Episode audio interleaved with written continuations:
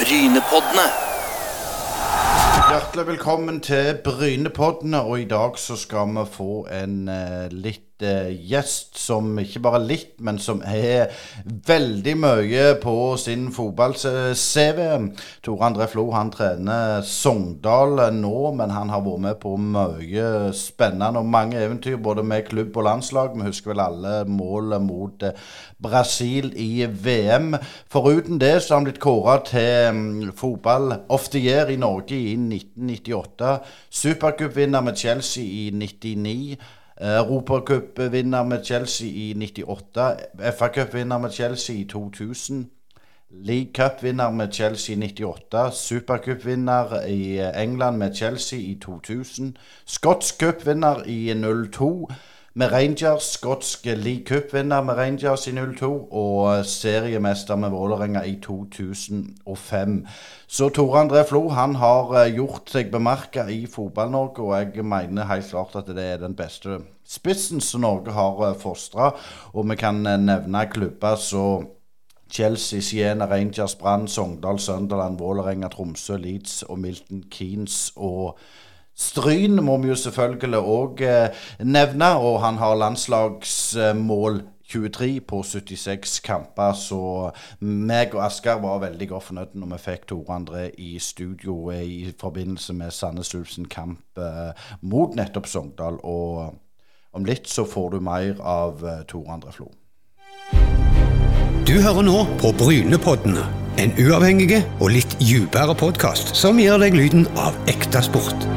Vi har studio på Bryne, og herifra sender vi deg motstemmen til den overflatiske og klikkorienterte sportsjournalistikken.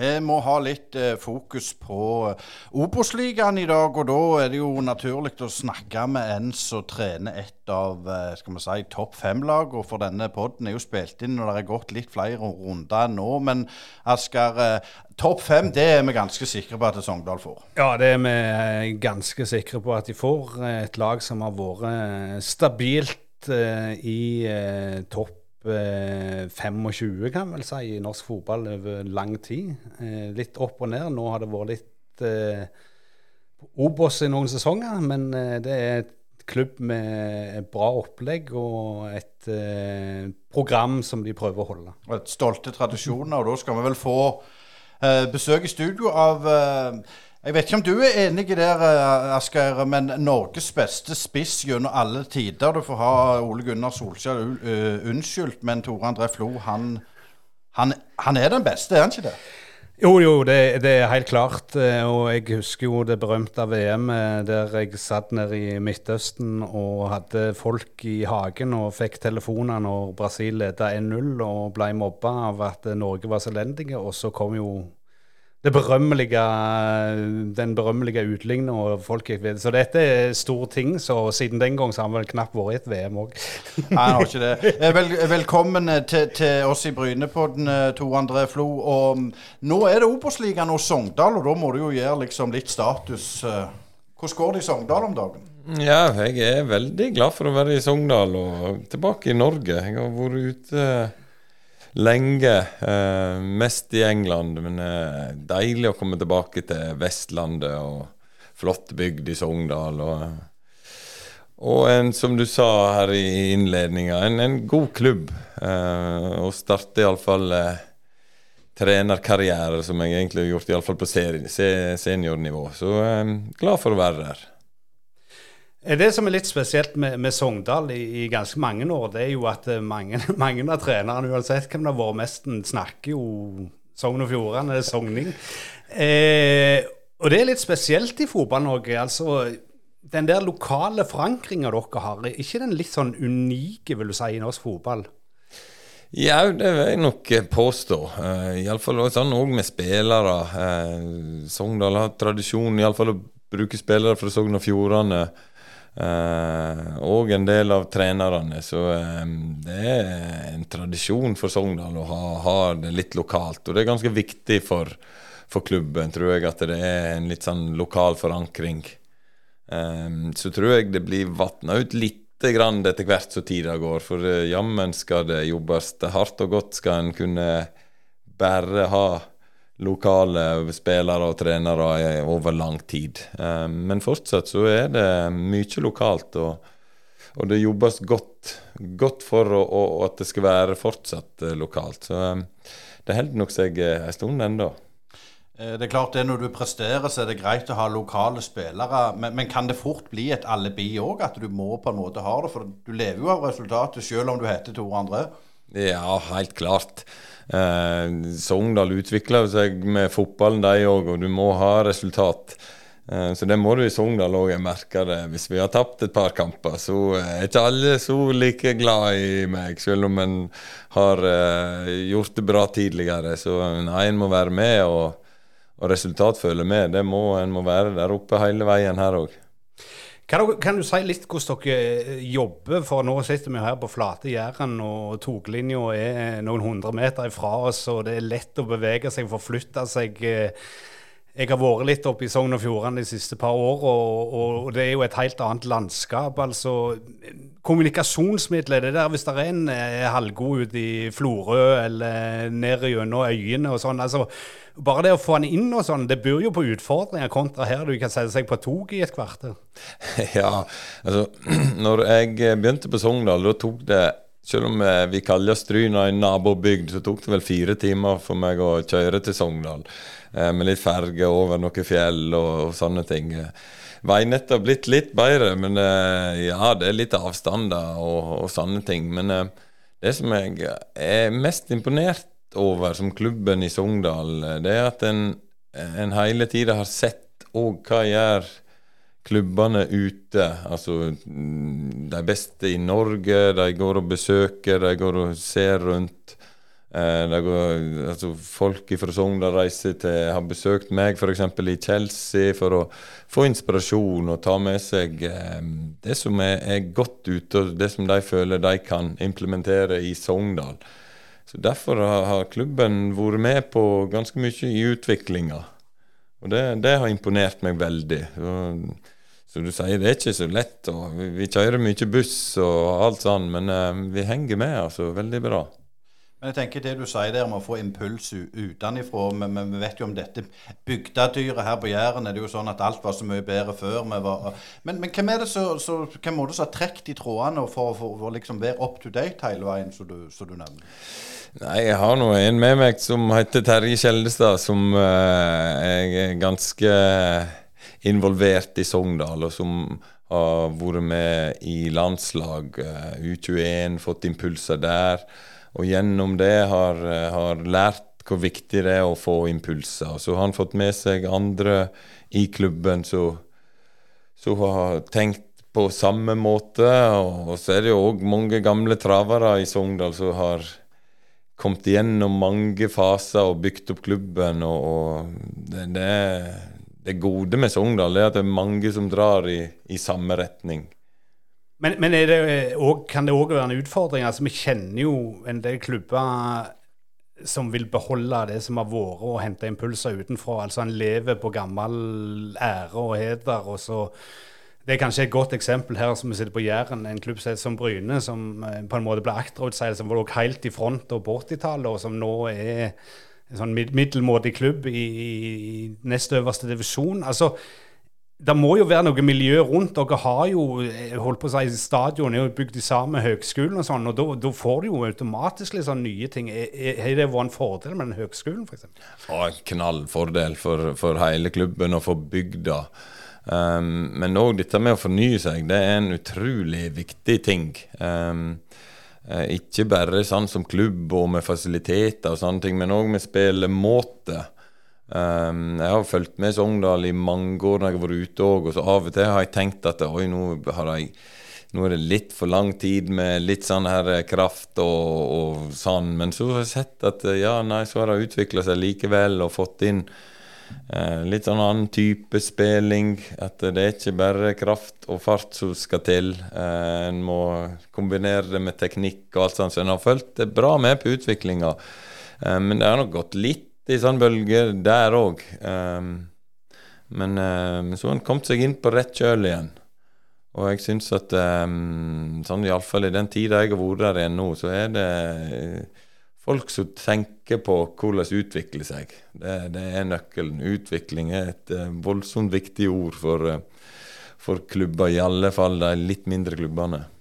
Jeg tenker, nå, nå var jo Asgeir innom det med dette Brasil-målet ditt og, og eh, Drillos tid. Altså Drillo var jo òg en, en, pioner på å organisere forsvar, og da ble det på en måte en mote å spille sånn som dere gjorde på landslaget. Ser du noe lignende i dagens fotball i Norge, at nå, nå skal f.eks. spille med fem bak, eller, eller, er det ikke sånne trender, og at folk på en måte gjør, gjør som de vil?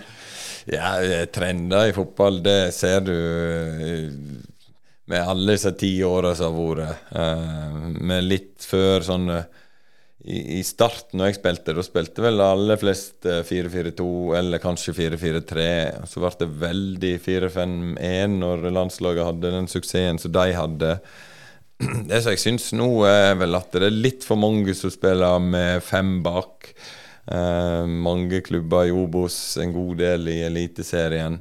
Så det er litt, litt trend i det nå. Um, jeg håper nå at vi eh, kjører litt flere lag med litt offens mer offensive system. Men um, det er som du sier, litt trend. Med, jeg har noen klubber som har veldig god suksess med, med å ha fortsatt tre spisser og, og, og, ikke så mange bak. Så um, det kommer nok til å forandre seg igjen. Jeg liker litt mer de som har uh, flere folk framover på banen. Vi må gå over til de der gamle med, med, med tre, to fem, eller hvordan det var i, før, før, krigen en gang. Men altså eh, Kan du si litt, André, for du, du forsvant jo, iallfall for, for oss eh, lekmenn, så forsvant jo litt under radaren. For du gikk tilbake til Chelsea og og fikk en rolle der som ikke var medførte mye at du var i media, utenom kanskje den lokale eh, klubbwebsida og noen sånne ting. Men altså, det der med å gå inn i Chelsea-systemet igjen og, og, og, begynne, altså kan du si litt hvordan den klubben var kontra når du spilte der sjøl, når du kom tilbake igjen? Ja, eh, jeg må først si hadde, jeg, jeg jobba der nå nesten i ti år nå, da. Eh, fra 2012. Jeg jobba på akademia i fem år, og så noe som heter låneavdelinga, som ikke kanskje er så veldig mye eh, jobbtitler på i Norge. Men eh, jeg kom tilbake til en fantastisk klubb som eh, er oppbygd på en sånn måte at en vil være best i verden i alle ledd.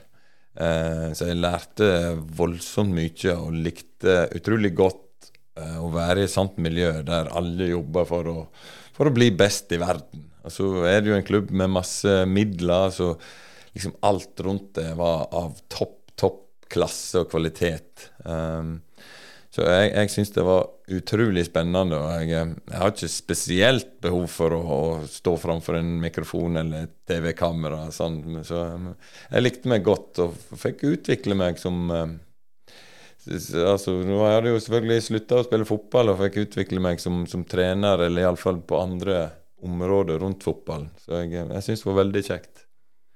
Kan, kan, du si litt òg om, om, altså Kontra når du spilte sjøl, så var det jo litt mer altså du har vært litt mer normale dager. For det var ikke så mye stress som det er å være førstelagstrener og sånn. Altså, men, men dette med London, altså Som jeg sa til deg før sending, så kjørte jeg forbi eh, Flo her for ikke så lenge siden. Og, og det er jo ikke så mange husene du teller oppi der. Og London har jeg vært i nok ganger sjøl, og det er tolv millioner som bor i Stor-London. altså eh, det der forskjellen, altså I Sogndal vet alle hvem du er. I London så kan du sikkert tulle rundt eh, omtrent som du vil utenom når du går rett rundt Stamford Bridge der, og ingen bryr seg om deg, liksom. Eh, forskjellen der, kan du si litt om det? Ja, nei, altså Helt fram til jeg var 20, så tenkte jeg at jeg aldri skulle flytte ifra Stryn eller Flo eller Sogndal eller hva det måtte være.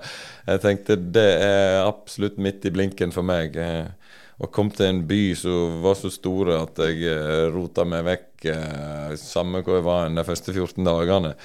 Eh, men jeg ble voldsomt glad i London etter hvert.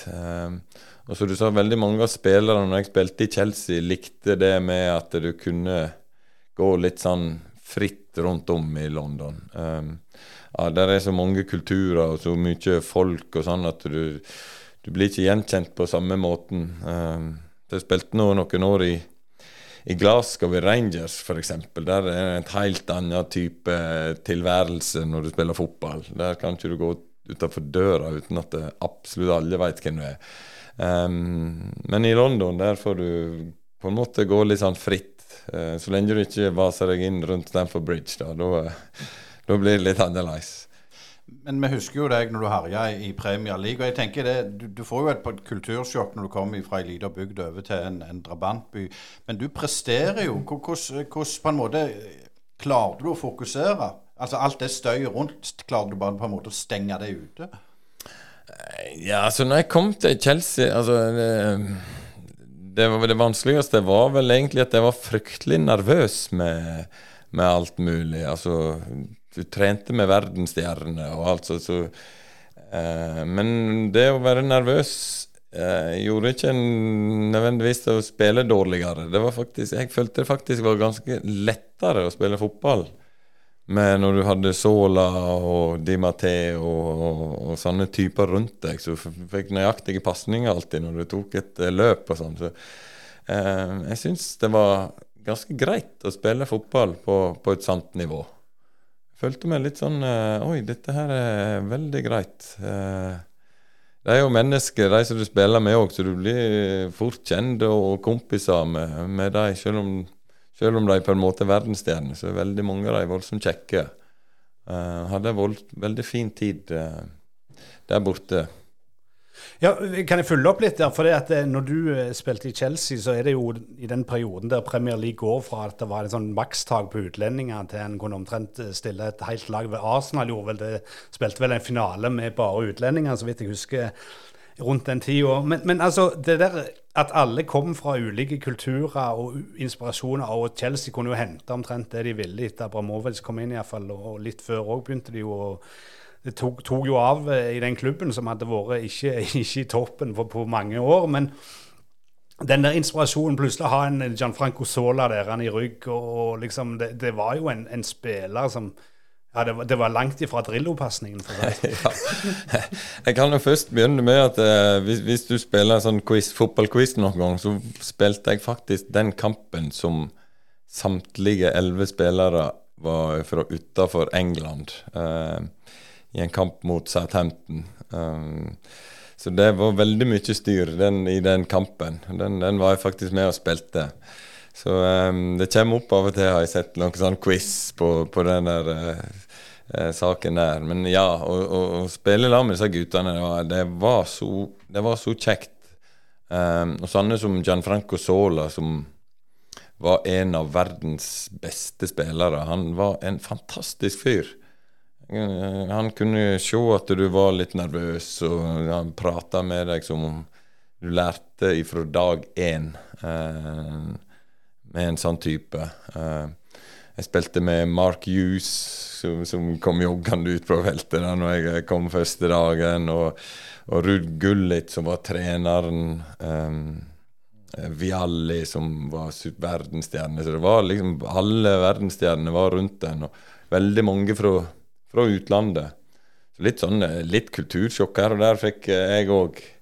Um, ehm, men samtidig, så ute på banen syns jeg det var, det var, veldig greit og veldig enkelt. Og veldig sånn forståelse på hvordan fotball skulle spilles. Vi klikka ganske så godt i lag i den eh, perioden der. Og vant en god del. Vi, vi var litt sånn cuplag, så vi vant noen sånn cuptrofeer. Ja, Det var ikke så rent lite du vant heller. Det, skal, det har vi tatt i introduksjonen, de merettene dine. Men jeg tenker, Chelsea var jo på denne tida i ferd med, eller hadde gjort en, på en måte en kulturendring. Når du kom inn i, i systemet og så hvordan de jobbet, forsto du mer hvordan de tenkte da, når du var i administrasjonen, eller så du det når du var spiller? Var det på en måte en klar visjon allerede da? Ja, eh, når jeg kom til Chelsea, var det veldig sånn eh, omorganisering av tankegangen, eh, følte jeg. Det hang nok litt igjen, litt sånn engelsk i det. Jeg merka veldig forskjell på engelske spillere og utenlandske spillere, f.eks. Eh, hvis det var en dag en fikk lov å gå på byen, f.eks., da var det de engelskmennene de spurta jo på puben og drakk så det ljomet, mens italienerne satt med to små glass eh, vin eh, og var fornøyde med det. Eh, så jeg så en, en veldig sånn kulturforskjell på hva, hva, fotballen var i England litt før den tida, og så hva det var i ferd med å komme inn i. Uh, altså klubben sjøl òg. De bygde jo ut Stamford Bridge, og, og alt ble veldig mye større og, og, sterkere på ganske kort tid i den perioden jeg var der.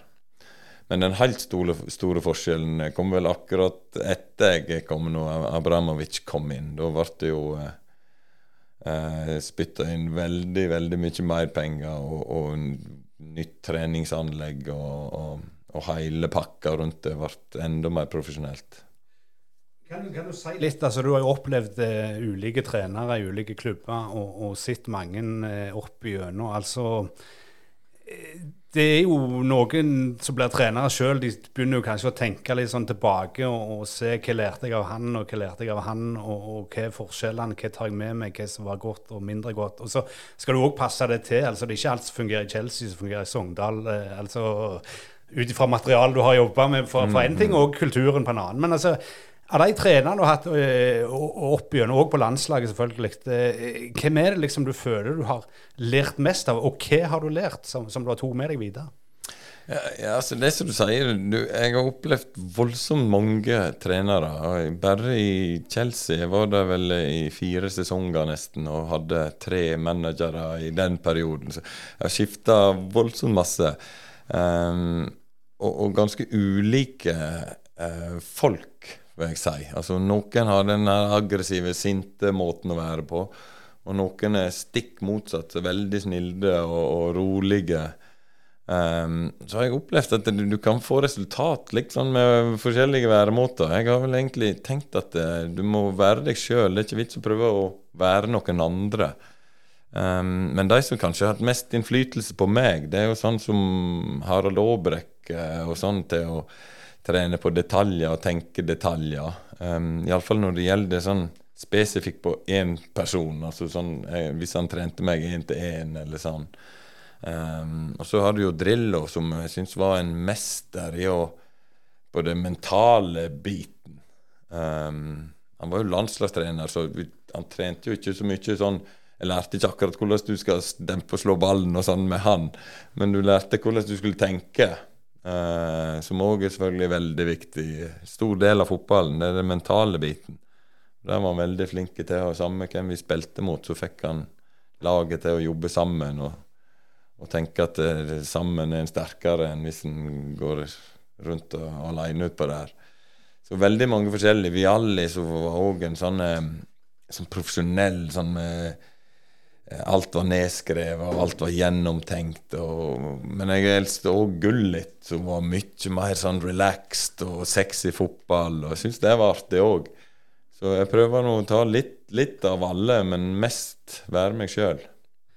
Nå, nå, er vi jo eh, på en måte inne i ei tid eh, vi, vi, sitter og snakker etter at eh, kvinnelandslaget har gått ut av VM mot eh, Japan. Eh, herrelandslaget har på en måte underprostert litt i kvalifiseringen kontra de store forventningene om å ha to store stjerner som Ødegaard og Haaland i, i laget. Men i de tid i landslaget, du var innom dette med Drillo, altså klarte han på en helt annen måte enn i dag å kanskje skape et sånn kollektiv. Altså Det var jo egentlig bare de der seige bygdeungdommene som sprang rundt, og et par østlendinger i tillegg. Men det var, det var, jo eh, mye sånn Dere jobber, altså Alle oss som er den generasjonen vokste opp med disse skogsløpene på vinteren og, og liksom eh, eh, det ble sånn seige, og så var det bare å spille fotball. Men, men altså, føler du det har skjedd noen endringer der òg inn i din egen garderobe? Altså, hvordan folk på en måte ser på fotballen. Altså, en har mye større stjerne i dag pga. verden rundt enn vi hadde den gang. Da var du en del av, av, av, en mengde, på en måte, på en annen måte.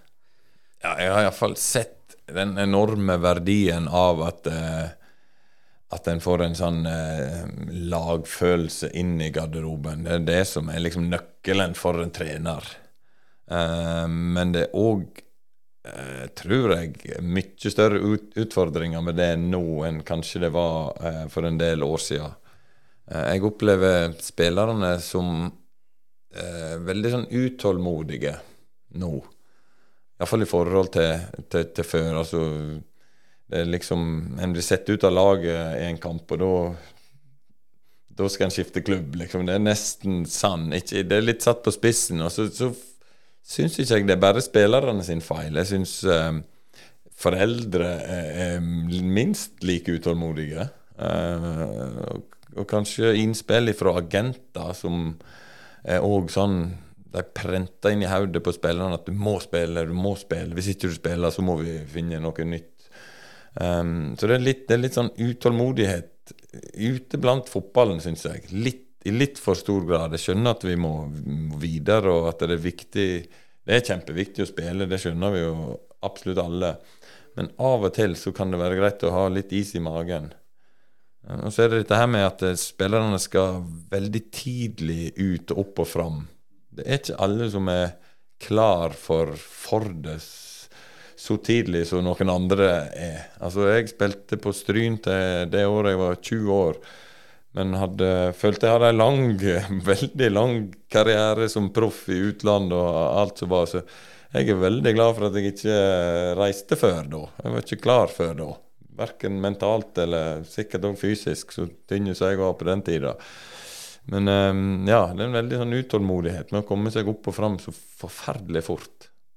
Men, men jeg regna jo med at du var, du var profesjonelle fotballspiller når du var i Stryn allerede som 20-åring. Men, men eh, du ble òg 50 nå i sommer. Gratulerer med det. Men ja, takk. dette med sosiale medier når du holdt på der i Stryn Nå var det sikkert ikke internett der da, men, men det har jo òg kommet i seinere tid. Er du glad at du ikke hadde det å stri med i din karriere?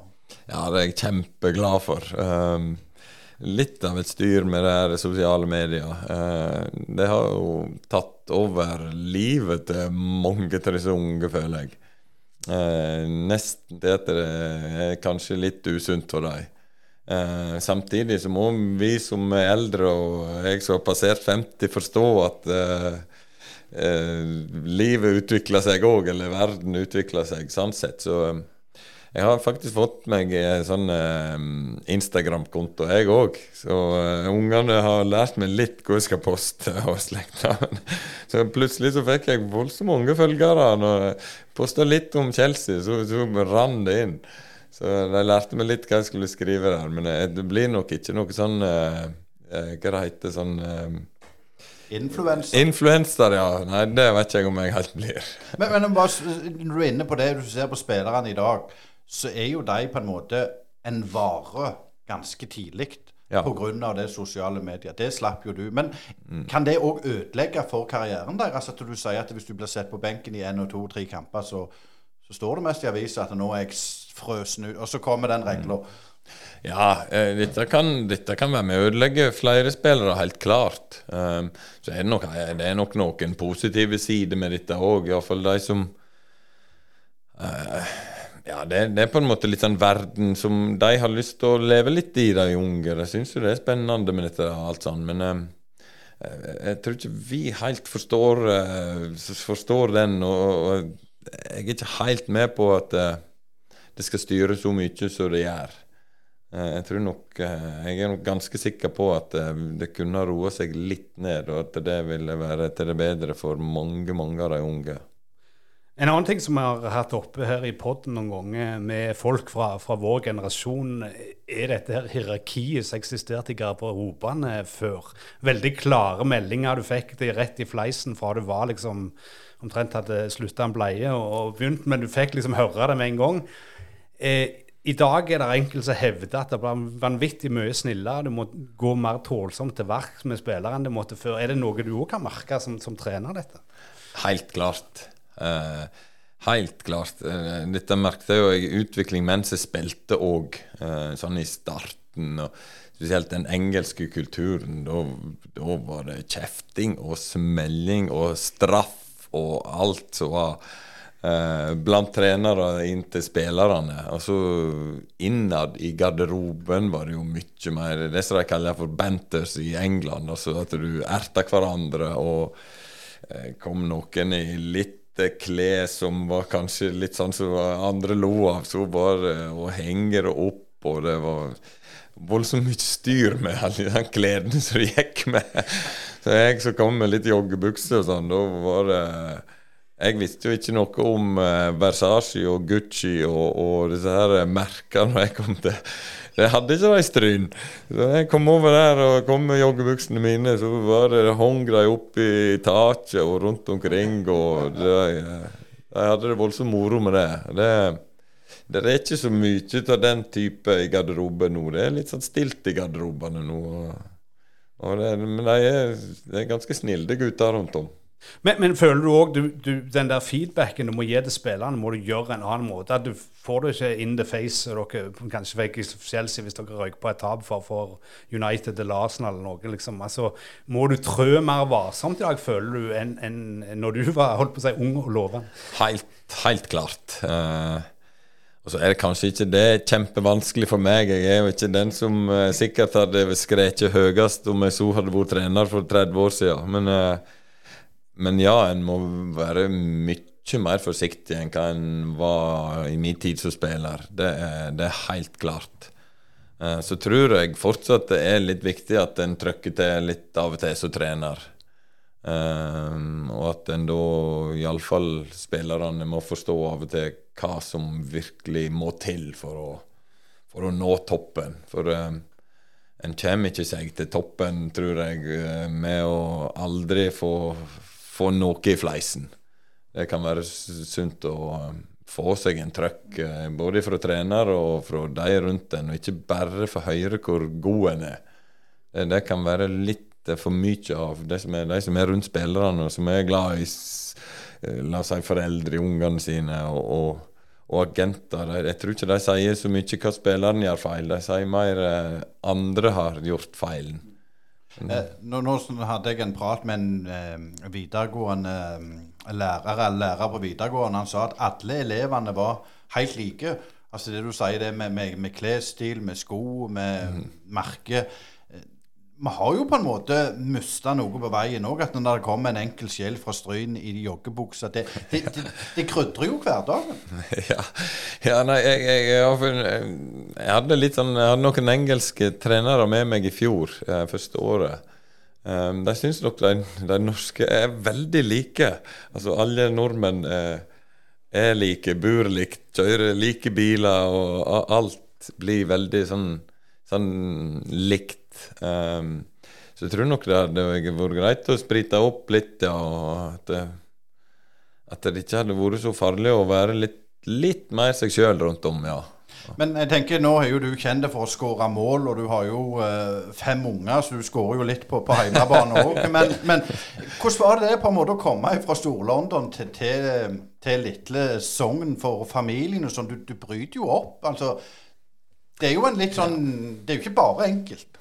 Nei, dette er faktisk litt utfordringer. Jeg bodde jo såpass lenge i England at eh, alle ungene mine vokste opp i England. og snakka perfekt engelsk og snakka sånn norsk som jeg snakker engelsk. Altså de lærer De lærer seg hæl min engelsk, men jeg lærer godt når de snakker norsk. Eh, men ja, vi var veldig spent nå når vi skulle hjem igjen. Eh, og eh, noen av ungene hadde absolutt ikke lyst å flytte fra England. nå har nå det gått ganske så greit, selv om vi har hatt en unge som har gått på skole i Amerika. og ei av døtrene mine jobber fortsatt i, England, så vi kommer nok til å havne litt her og litt der, tipper jeg. De, de er litt vant med å flytte litt rundt. og Det kan hende det Sogndal blir litt for lite for noen av dem, iallfall. Men uh, et par av dem liker seg kjempegodt der, så vi, vi får se. De får nå velge dette sjøl. Men en liten oppfølging på akkurat den. Da, med den CV-en du har, og, og den karrieren, så, lurer, så må jo jeg iallfall ærlig tenke at Sogndal, hvorfor i all verden sier du ja til det? Jeg vil jo tro at du hadde på en måte andre tilbud. Så fortell litt om den karriereveien. Er, er det på vei ned, eller har du lyst til å bli trener? ja, jeg skal si det at eh, Hvis det var noen plass jeg kunne tenkt meg å, å være trener akkurat nå, så er det faktisk i Sogndal. Um, uh, I en klubb der de tenker utvikling, tenker litt nytt Uh, prøver å komme seg opp og fram. Er, er ikke så veldig store, men kjemper mot de store. Eh, jeg syns det trigger meg veldig, i stedet for å hoppe inn i en, eh, i en klubb der du, som jeg hadde kanskje vært mye større, men så du med to-tre tap ville ha fått sparken, samme hva du heter, og sånn, så, så syns jeg det eh, I det stadiet jeg er nå, så trigger det meg mye mer å være i Sogndal. Jeg syns det er en spennende klubb å jobbe i, med veldig flinke folk.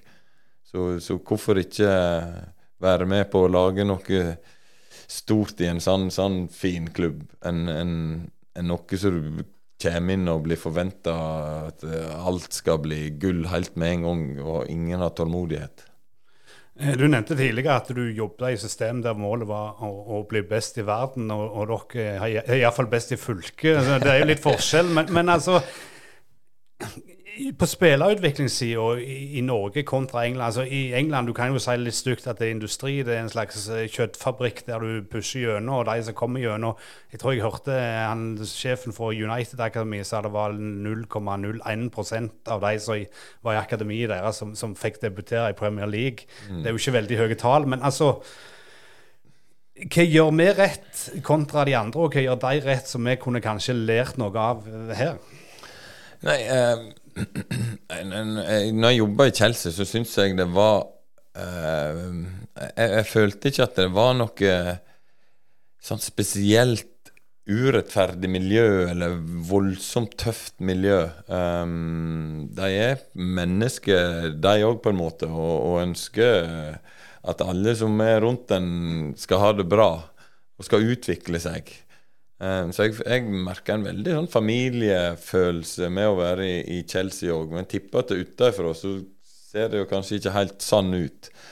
Men han har veldig riktig. Han er i Manchester at det er søren ikke mange der borte som kommer gjennom nålauget. For det er utrolig tynt. Iallfall hvis du tenker på å komme til Premier League og bli eh, sånn superstorstjerne. Men veldig mange av dem blir jo i, i sånn League One og, og kan iallfall leve av det ei stund og sånn. Um, men det må si sånn når jeg, når jeg nå jobber i Sogndal, så føler ikke jeg det er så veldig stor forskjell, faktisk. Um, det er mye mindre forhold, men alle tenker litt sånn likt. Tenker utvikling, tenker hvordan skal vi bli best mulig. Uh, treningene ser ganske like ut. Um, så har en en ganske fine forhold i Sogndal. Du har liksom Fosshaugane campus som du kan gå ut og trene på. Du har en storhall så du bare går ned et par tropper, så er du der. Og så har du fint eh, eh treningssenter og tar styrke. og så Sånn sett så opplever jeg det som nesten like profesjonelt. Det var mye mindre midler, men ikke noe så jeg savner at du Her er jo ikke det og det. Det, det føler ikke jeg faktisk sjøl når du sammenligner Sogndal til Chelsea. Ja, men nå, Dette hørtes jo ut som en solskinnshistorie, for nå snakker du opp Sogndal. Men mener du det? mener du dette? Jeg mener det helt, helt alvorlig. Jeg, jeg, er ikke flink til å lyge. Uh, så det tror jeg faktisk det, Eller det, det, tror jeg jeg mener, det blir feil å si. Det mener jeg. Um, og det tror jeg òg spillerne føler. At uh, det er en ganske fin plass å være, faktisk. Eh, hvis du skal utvikle deg som fotballspiller, hvorfor være noen andre plasser enn i Sogndal? Det klarer ikke helt å se at det, eh, er så veldig, veldig mange som, som ville gjort det bedre. Eh, men ja, jeg snakker veldig opp Sogndal nå, men jeg, jeg liker plassen, og jeg, det er derfor jeg skryter av den. Litt tilbake med dette med utvikling. altså Det, jo, det er jo flere sider som var inne på. Men en annen ting som òg er en utfordring i Fotball-Norge, og, og, i andre klubber kanskje òg, det er jo dette her faren. ok, Får du opp en god 20-åring, så kommer det noen og henter han. Det kommer de fra Glimt eller Molde eller hvor det skulle være. Så snapper de han opp, og så får dere liksom blir dere kjøpt i Sund. er dere jager et opprykk, da, og så mister dere to sentrale, og så klarer dere ikke å fylle det gapet liksom en gang. Altså, er det sånn det nødvendigvis må være, eller, eller er det noe sånn med det overgangsvinduet som gjør at f.eks. Altså, når du spilte i Norge i, i, i riktig gamle dager, så hadde du følelsen at elveren iallfall Den så som regel sesongen ut, og så ble de kanskje solgt på sommeren eller så på vinteren eller noe sånt. liksom. Altså, det er jo en utfordring for de klubbene som, som på en måte jager et opprykk og har fått en god elver, og så, så har de 12-13-14 som er greie, og så mister en de, og så er 16-17-18 ikke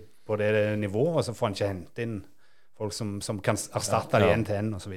Nei, altså dette blir jo selvfølgelig en utfordring. Iallfall hvis du skal tenke som Sogndal, så etablere seg blant eh, helt, helt i toppen i Norge. Det, det, det, det blir vanskelig jo med at når du får opp et talent, så, så kommer han til å gå. Um, samtidig så er det òg en positiv ting for klubben Sogndal, eller, eller for òg de små klubbene, iallfall hvis du klarer det igjen og igjen. Eh, så må du lære å, å ha eh, noe bak de store eh, talentene òg. Der syns jeg eh, Sogndal òg har begynt å, å, å, ha lært liksom av fortida. og, og og veit at det kommer til å skje.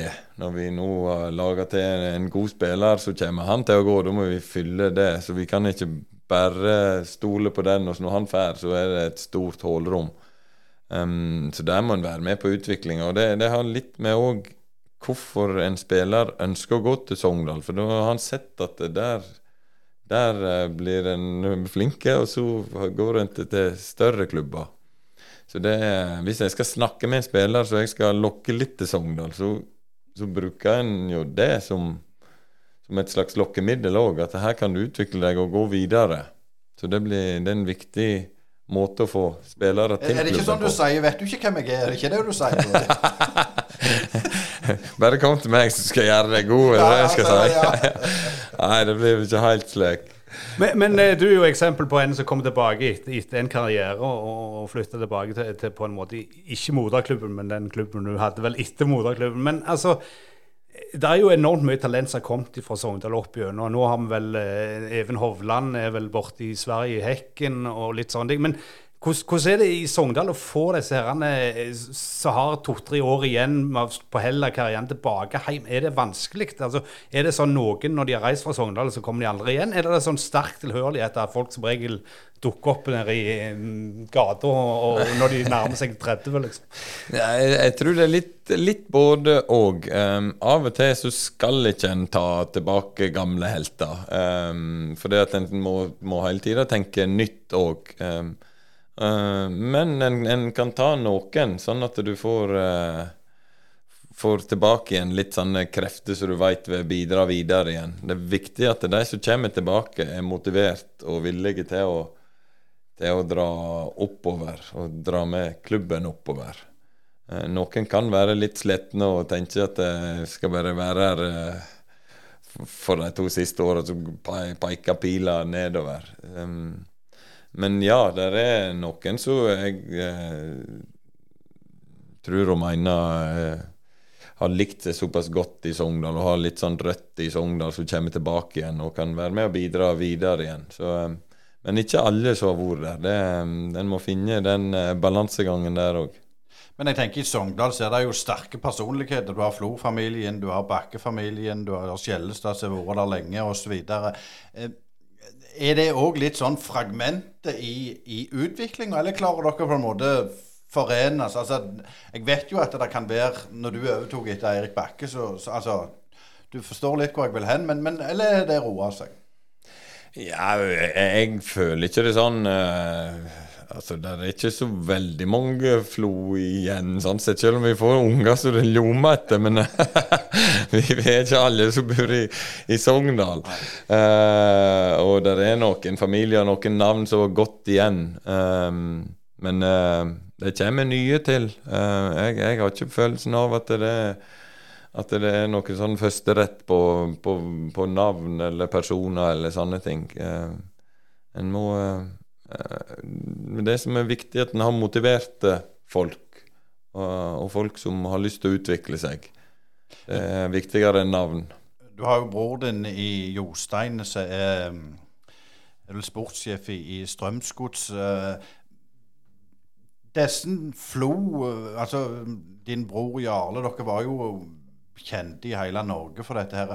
Eh, familienavn. Har du òg på en måte vært litt sånn nå, liksom, De prøver å stille et intelligent spørsmål, men har det bare vært positivt for å være Tore André?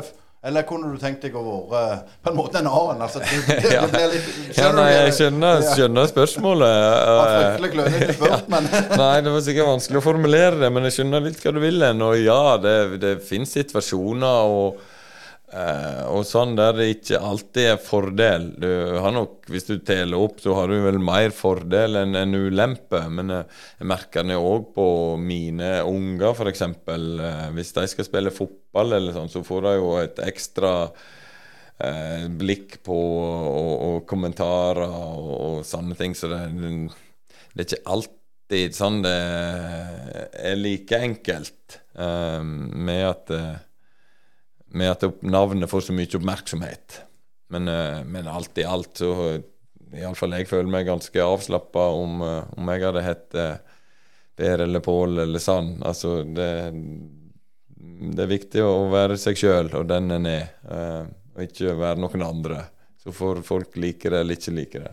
Så, så ungene til Torvanger er litt lettere reise enn ungene til, til Flo. Men, men, altså, kan vi, kan vi, tenke litt høyt rundt Sogndal? Altså, dere har vel hatt en policy at dere skal ligge der opp og ned litt og være litt sånn i skorpa der mellom eliten og, og Obos. Så langt har det jo lykkes relativt godt hvis du tar eh, et langt tidsperspektiv. Eh, hvordan ser du på, på, denne høsten i Obos? og når, dere, når vi snakker, skal dere snart møte Sandnes Ulf. Men, men altså, hvordan ser høsten ut eh, for dere? Ja, Jeg føler vi er på en ganske god plass. Jeg, eh, det gjør jeg. Bare litt sånn historisk sett. Jeg hørte vel at Sogndal var en av seks lag, eller og det sjette beste sånn i historien over lang tid i de to øverste divisjonene, eller hva det var. Eh, over lengda uten å døtte ned til nivå tre. Så ja, det er litt sånn eh, historikk rundt Sogndal nå etter hvert. Det har vært mange år i, i, i topp eh, to divisjonene.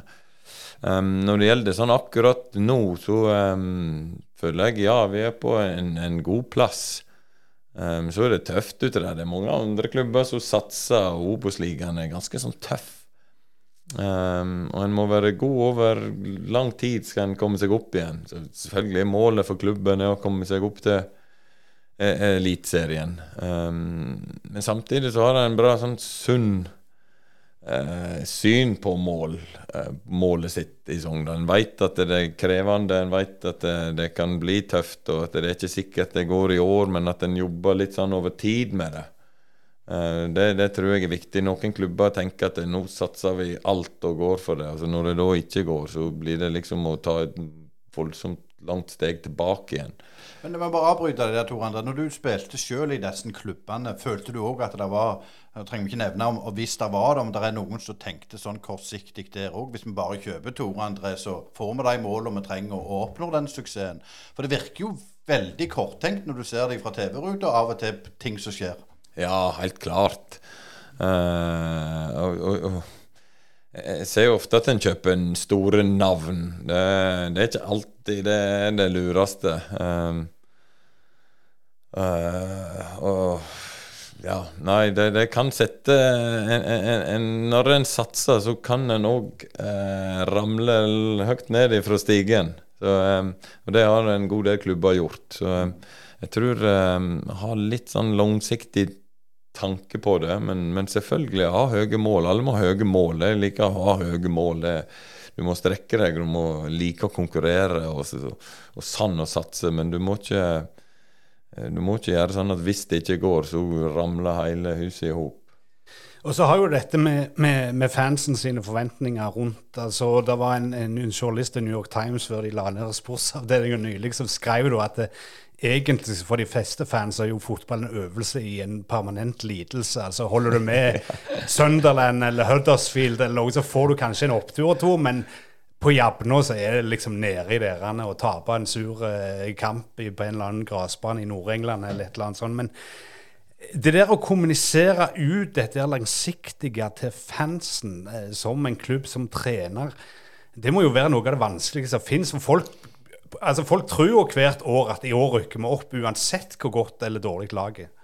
Ja, dette, dette merker jeg jo litt òg. Uh, altså, eh, hvis du går tøft ut uh, og sier at i år skal vi rykke opp, så, du, så blir du veldig du kan bli veldig populær, men kanskje bare på veldig kort sikt.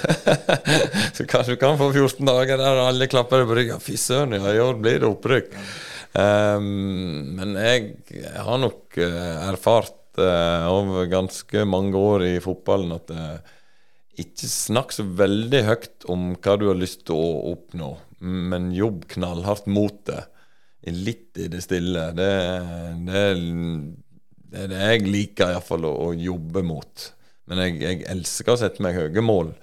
Det gjør jeg. Eh, og jobber knallhardt for det. Men eh, jeg tror ikke det er alltid så like lurt å rope så høyt om eh, alle tingene en skal oppnå. Nei, for du, har jo, du er jo den stille, og du gjør ikke så ofte intervju. Og du sier du har ikke behov for å være i, i blitsregn, og, og sånn som spiller, så, så var du òg sånn. Men, men uh, dette Sogndal-laget som Saska er inne på, hva, er det noen konkrete mål dere har sett dere? Du, selv om du ikke liker å snakke om det, så kan vi jo spørre for det. Ja, ja jeg, altså ja, hvis vi er helt ærlige, så har vi jo lyst til åpendivisjon. Altså, det er klart det at vi har lyst til det. Vi, eh, vi er jo i, i toppsjiktet av Obos, så det vil jo være veldig dumt å ikke satse skikkelig på å komme seg opp. Um, selv om jeg tror sikkert uh, minst ti av klubbene i, i Obos sier akkurat det samme. Og kun to går, går, rett opp. Men ja, vi har lyst til å være med og fighte om det. Uh, og selvfølgelig, det er ikke farlig å si at uh, du har lyst til å fighte om det. Og at det, det, er et, det, er et, mål, det. Å komme seg opp. Det er helt klart. Det, det tror jeg vi, vi, kan være gode nok til. Men så er det dette med at du trenger ikke å gå rundt i det daglige og snakke om det. For at i det daglige så må du tenke utvikling. Det høres kanskje kjedelig ut når en trener sier at vi skal tenke utvikling, men gjør ikke du det, så, så, så blir det bare med praten. Eh, det er, ikke, det er ikke vits. Du kan ikke prate deg til et opprykk.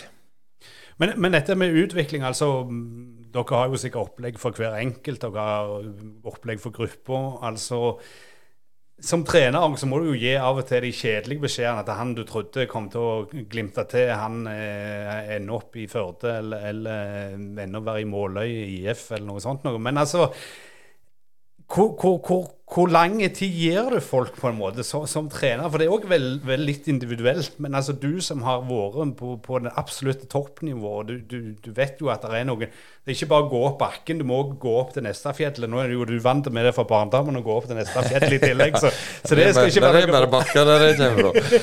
men, men altså hvordan ser du det der med mentale og sånne ting på de unge spesielt, så du skal liksom trø gjennom kvernen? på en måte? Jeg, først må jeg si det at jeg, det er jo mye sånn her speidere rundt omkring nå som tror de veit hvem som blir veldig god når de ser en tolvåring. Eh, det tror jeg egentlig ingen, ingen kan. Altså, vi veit Vi kan ikke se fram i tid. Vi kan se noen som er god her og nå, men hvordan de utvikler seg, det, det er til sjuende og sist opp til hver enkelt spiller og, og hvordan han klarer å utvikle seg. Og så er du med og hjelper på veien og sånn.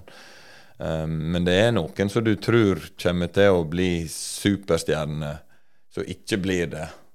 Uh, det merker jeg uh, veldig mye i Chelsea, som hadde de aller, aller beste talentene i, i, uh, i, i, et område som er ti millioner folk. Så kan du tenke deg at det var ganske gode talent som var der.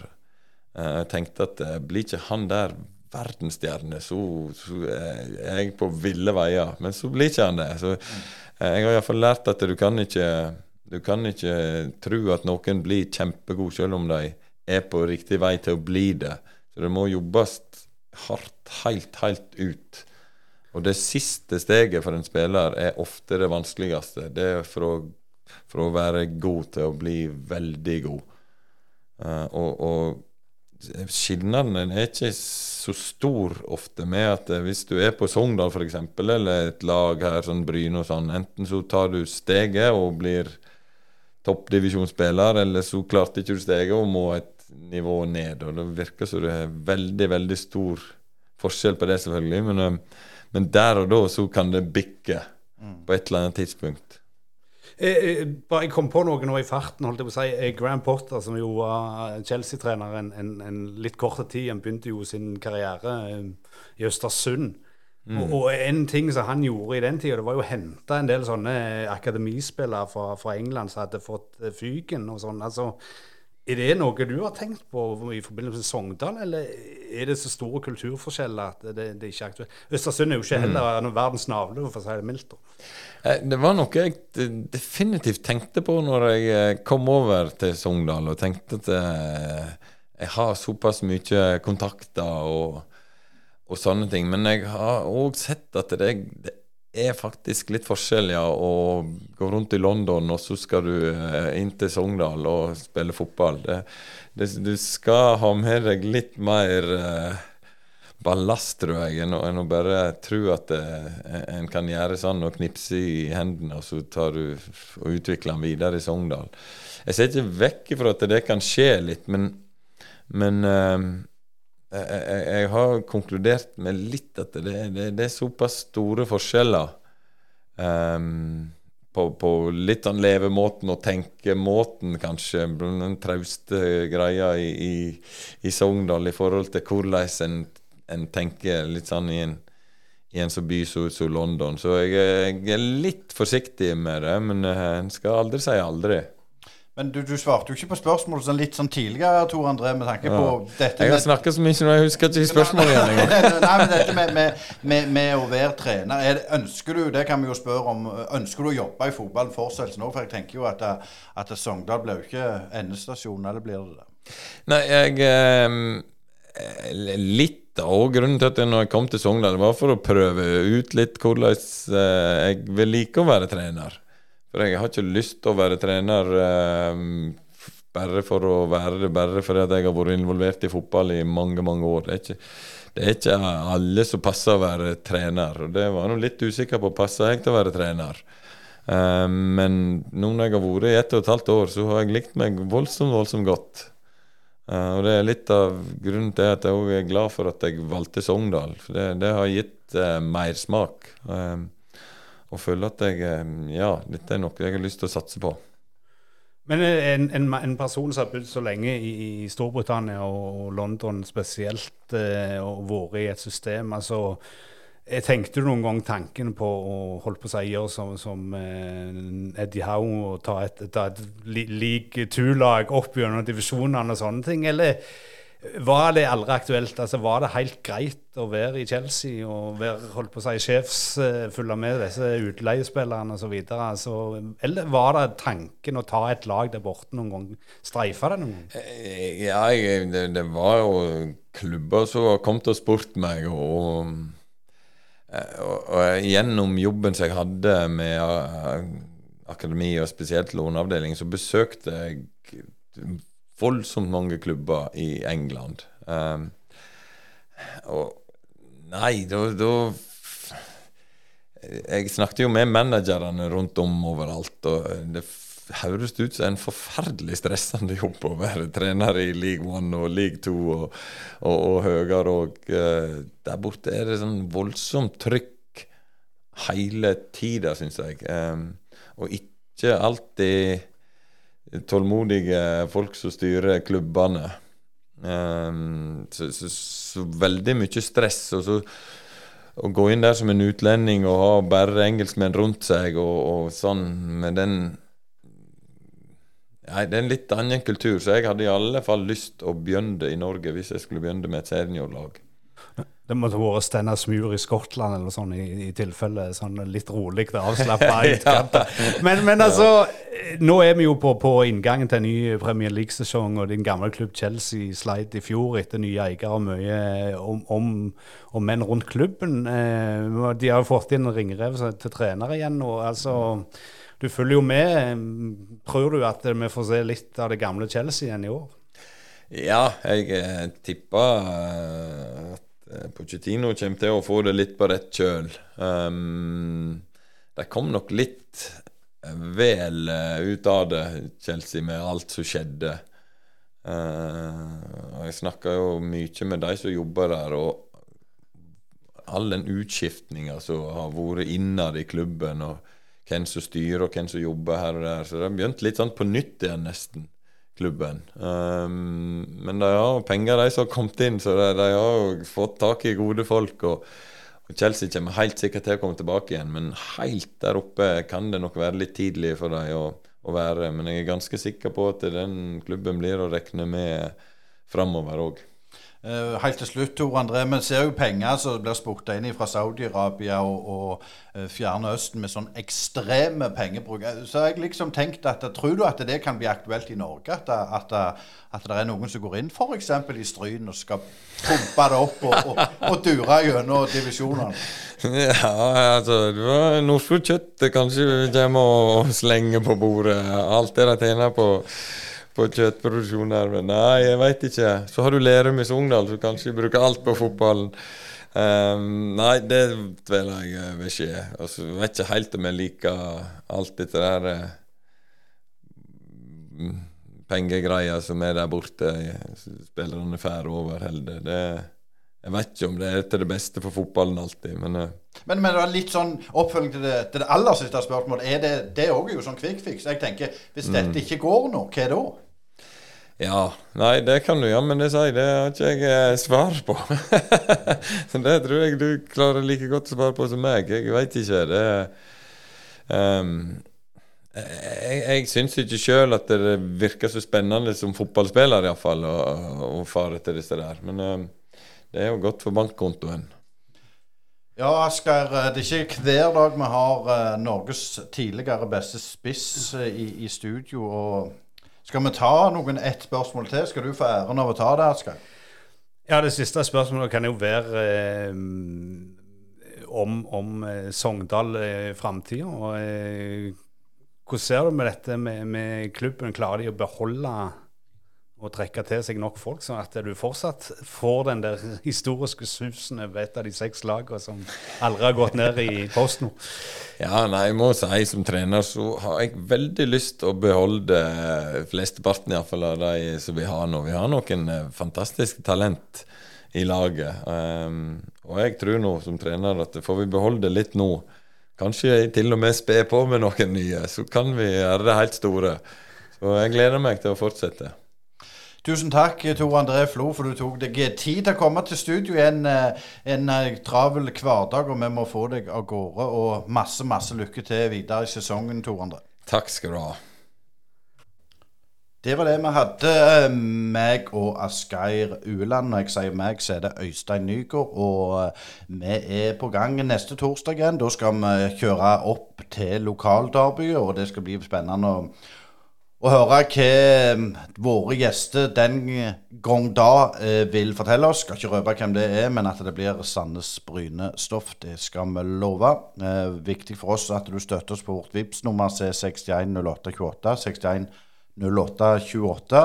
Husk vi er avhengig av både støtte og gode samarbeidspartnere. Har du tips og eh, og til gjester, så kontakter du oss gjerne på våre sosiale medier. Og du finner oss på Facebook, X, Instagram, LinkedIn, YouTube eh, annet. Og lik oss der, og del våre eh, episoder. Vi sier tusen takk for følget, og håper du har kost deg like mye som vi har gjort når vi har fått eh, Tor André Flo i studio. Vi høres igjen på eh, neste torsdag, og på gjenhør. Du hører nå på Brynepoddene. En uavhengig og litt dypere podkast som gir deg lyden av ekte sport. Vi har studio på Bryne, og herifra sender vi deg motstemmen til den overflatiske og klikkorienterte sportsjournalistikken. Brynepoddene.